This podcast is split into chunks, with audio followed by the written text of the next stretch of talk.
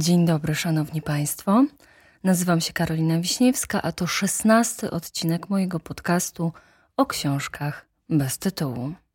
Jakoś tak wyjątkowo szybko przyszedł ten y, drugi piątek miesiąca, ale może to dlatego, że w międzyczasie zdążyłam wypuścić dwa odcinki Małego Księcia.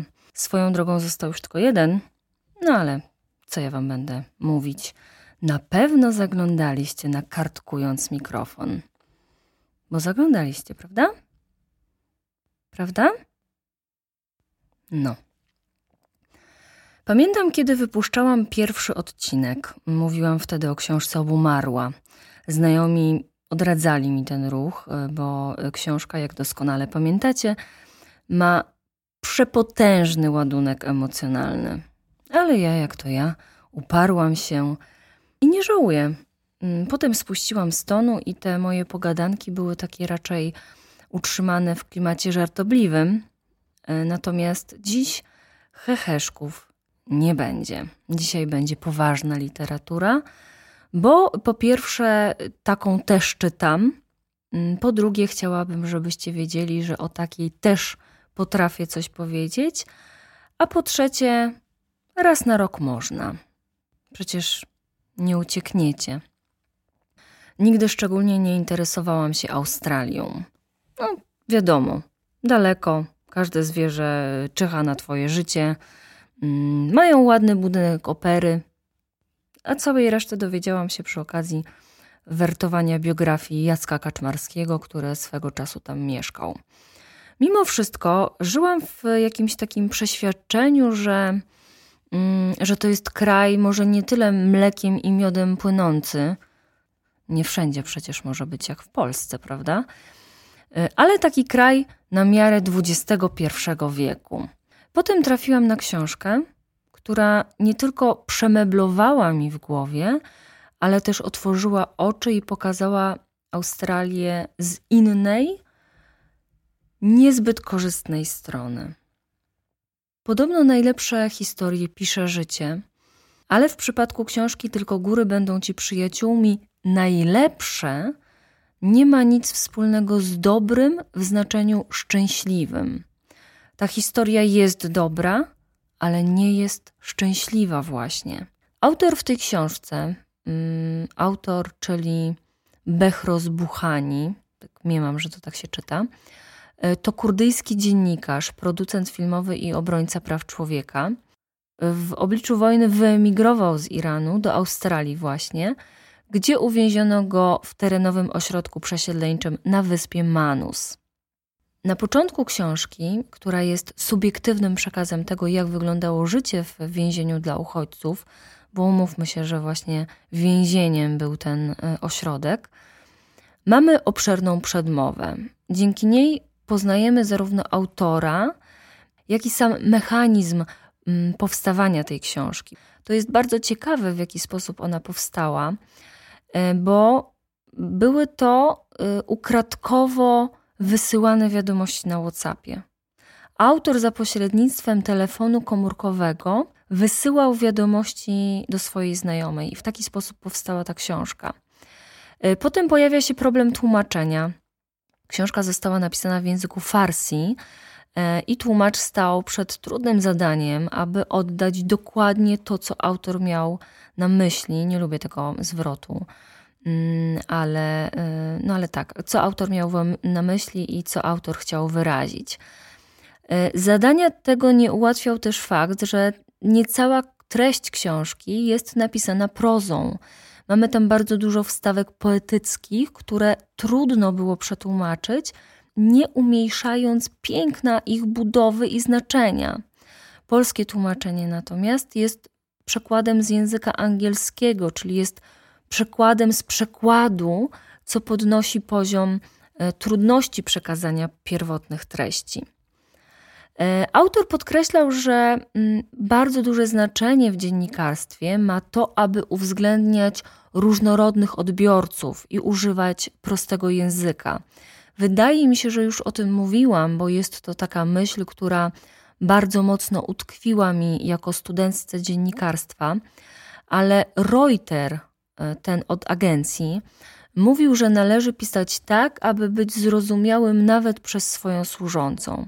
I rzeczywiście w tłumaczeniu również y, użyty został prosty język, ale cała ta książka jest dowodem na to, że używając prostych słów, można stworzyć z nich coś niezwykle pięknego, poruszającego i plastycznego. E, nie sposób również ominąć kwestię tytułu.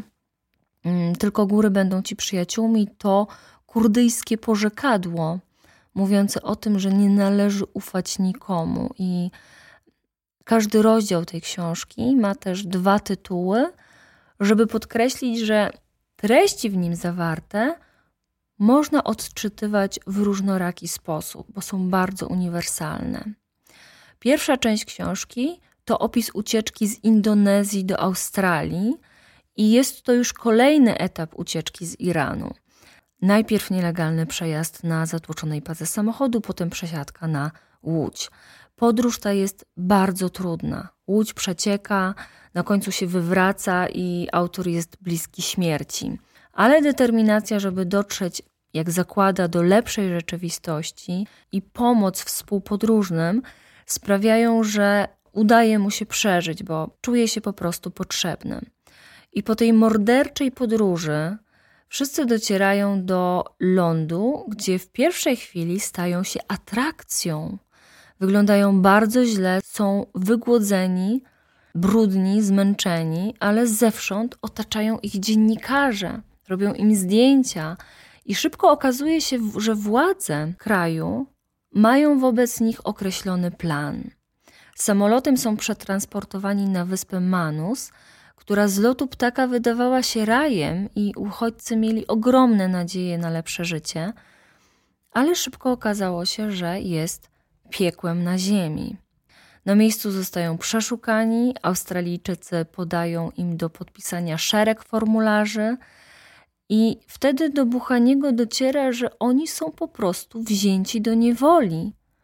Zaznacza w swoich zapiskach, że jest kawałkiem mięsa ciśniętym na nieznany ląd. Wszyscy uchodźcy zostają zakwaterowani w bardzo ciasnych pokojach i szybko tworzą się grupki, gdzie głównym kryterium jest pochodzenie.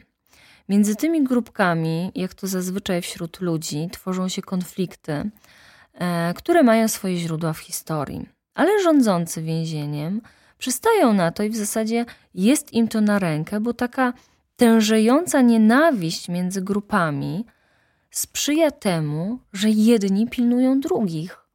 I powiedzieć, że pozbawiono tych ludzi wolności, to nic nie powiedzieć. Zabroniono im też jakiegokolwiek twórczego spędzania czasu, wszelkich gier, rozrywek czy zwykłych urozmaiceń dla zabicia czasu. Głównym zajęciem w obozie można mieć wrażenie, że są kolejki, stanie w, w kolejkach. I może nie byłoby w tym powodu do aż takiego oburzenia, gdyby nie fakt, że to są kolejki do spełnienia podstawowych potrzeb człowieka. Kolejka do toalety, która była ciągle zapchana, warunki sanitarne opłakane, kolejka po jedzenie, i to jedzenie było racjonowane w taki sposób, że ci na początku często dostawali wszystko, a w połowie kolejki jedzenie się kończyło. To samo było na przykład z mlekiem, które było nalewane do określonego poziomu i nalewający bardzo uważał, żeby nie przelać, bo jeśli przelał, to odstawiał kubek i nalewał jeszcze raz. A na koniec to przelane mleko na oczach tych wszystkich spragnionych ludzi, tych ludzi, którzy nie mieli pewności, czy oni dzisiaj dostaną coś do jedzenia i do picia, po prostu wylewał tę nadwyżkę, co w moim odczuciu było przemocą psychiczną. Chociaż były takie sytuacje, kiedy więźniowie dostawali całą szklankę, e, ale wtedy z kolei wzbudzało to w nich podejrzenia, że do tego mleka mogło coś zostać dosypane. E, były też kolejki do telefonu, do tego stopnia restrykcyjnie przestrzegane, że kiedy jeden z osadzonych dostał informację, że jego ojciec umiera, nie pozwolono mu ominąć kolejki i zamienić ostatnie słowa z umierającym ojcem. Osoby w kolejce, które stały przed nim, się zgodziły, Mało tego, wywierały presję na strażniku, który niczym piłat umywający ręce powiedział, że jak szef się zgodzi, to okej, okay, ale szef podjął inną decyzję. Kiedy w końcu nadeszła kolejka tego człowieka, okazało się, że, że jego ojciec już nie żyje. Mm, kolejki też były do lekarzy. I tu mieliśmy przerażający, naprawdę przerażający opis leczenia zęba autora, które to leczenie polegało na przepalaniu nerwów rozgrzanym drutem. Bez znieczulenia, rzecz jasna. Bardzo często też psuł się e, generator prądu. Wyłączały się wtedy wentylatory, których powiew był ukojeniem e, w tym piekielnym upale. I z czasem te awarie zaczynały przypominać celowy zabieg, który miał na celu uprzykrzenie życia osadzonym, bo w ludziach z czasem zaczął rodzić się lęk, zwłaszcza kiedy mm, te awarie działy się w nocy. Autor w książce nie stosuje prawdziwych imion i nazwisk, tylko przydomki. Mamy więc premiera, mamy krowę czy mężczyznę z sumiastym wąsem. Z jednej strony jest to poszanowanie dla prywatności tych ludzi, z drugiej uniwersalność przypadków danej osoby, każdego mogło to spotkać, a z trzeciej strony podkreślenie, że autor jest fantastycznym obserwatorem i celnie analizuje i definiuje cechy charakterystyczne dla danego człowieka. Zresztą, czytając tę książkę, ma się wrażenie, że wszystkie te wydarzenia, ci nieszczęśliwi, Bogu ducha winni ludzie, są tak naprawdę pretekstem do obszernego studium filozoficznego o wolności, godności, utraconej nadziei, strachu i porządku świata. Po pewnym czasie, mm, po obozie, rozeszła się plotka, że mają pojawić się prawnicy i wszystkich uwolnić. I w zasadzie przez całą lekturę tej książki wracała do mnie myśl, że więzienie to słowo kojarzące się z karą, za jakie więc przewinienia uchodźcy zostali ukarani? Pod koniec książki mamy pokazany bunt.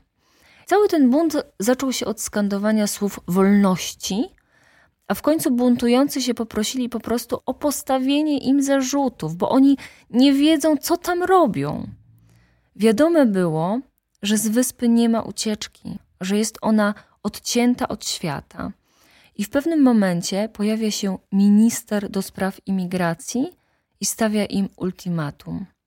Albo wracają do krajów macierzystych, albo zostają na wyspie na zawsze. Ludzie, którzy uciekali przed wojną, znaleźli się w centrum wojny wojny o podstawowe prawa człowieka. Zastanawiałam się, jakie wrażenie zrobiłaby na mnie ta książka, gdybym po prostu sięgnęła po nią ze względu na ładną okładkę, nie czytając plecków, noty biograficznej autora, mm, a na początku nie byłoby przedmowy. Jednak świadomość, że to wydarzyło się naprawdę w cywilizowanym kraju w XXI wieku, niesamowicie potęguje szok wywołany lekturą. Myślę, że powieść by mnie tak nie poruszyła jak reportaż, bo ta książka jest reportażem. Warto też dodać, że w momencie tłumaczenia tej książki autor nadal pozostawał na wyspie. Więzienie nadal funkcjonowało, a po zakończeniu lektury nasunęło mi się takie podstawowe pytanie: dlaczego ludzie, którzy wiedzą, co dzieje się na wyspie, nic z tym nie robią? Ja wiem, że samo wydanie książki, nagłośnienie sprawy to już jest coś, ale dlaczego tak późno i dlaczego tylko tyle? Jestem też bardzo ciekawa, jak cała ta historia, opis działania więzienia wyglądałaby z innej perspektywy, na przykład z perspektywy Australijczyków. Z drugiej strony, w lasach, w naszych lasach, na granicy z Białorusią giną ludzie. Czy to znaczy, że krzywda ludzka tak szybko powszednieje? Smutna konkluzja. Ale jakoś tak to wszystko połączyło mi się w jedną całość. I z takim zawieszeniem, taką myślą niedokończoną, chciałabym Was zostawić. To nie jest czytadło. To jest książka, która naprawdę targa emocjami. Cieszę się mimo wszystko, że mogłam Wam o niej opowiedzieć. Mam wrażenie, że wyjątkowo mocno zanurzyłam się w fabule mm, czego zazwyczaj nie robię, ale tym razem nie dało się inaczej. A to, co powiedziałam, to i tak jest takie ledwie muśnięcie tej istoty, tego clue, e, które tam się mieści. Ale już dość, wystarczy. Chciałam na koniec podziękować wszystkim, którzy zajrzeli na moją stronę na Buy Coffee postanowili, że to, co robię, jest warte wsparcia. Chciałam też z przyjemnością powiedzieć, że od teraz jest również możliwość, żeby zostać moim patronem e, i na przykład dostać ode mnie pocztówkę, pomóc w wyborze tytułów kolejnych audiobooków i inne różne takie. Przydatne linki zostawiam w opisie. Nieustannie zachęcam do pisania do mnie na kontakt małpakarowiśniewska.pl, a dziś już ściskam w pasie. Wszystkiego najlepszego.